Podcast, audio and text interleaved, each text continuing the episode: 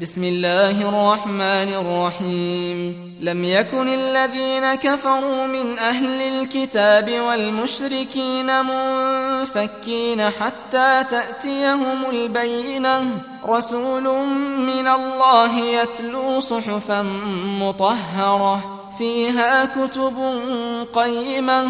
وما تفرق الذين أوتوا الكتاب إلا من بعد ما جاءتهم البينة وما أمروا إلا ليعبدوا الله مخلصين له الدين حنفاء ويقيموا الصلاة ويقيموا الصلاة ويؤتوا الزكاة وذلك دين القيمة إن الذين كفروا من أهل الكتاب والمشركين في نار جهنم خالدين فيها. أولئك هم شر البرية.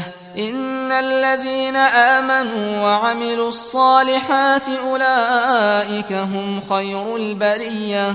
جزاؤهم عند ربهم جنات عدن تجري من تحتها الأنهار. تجري من تحتها الأنهار خالدين فيها أبدا رضي الله عنهم ورضوا عنه. ذلك لمن خشي ربه.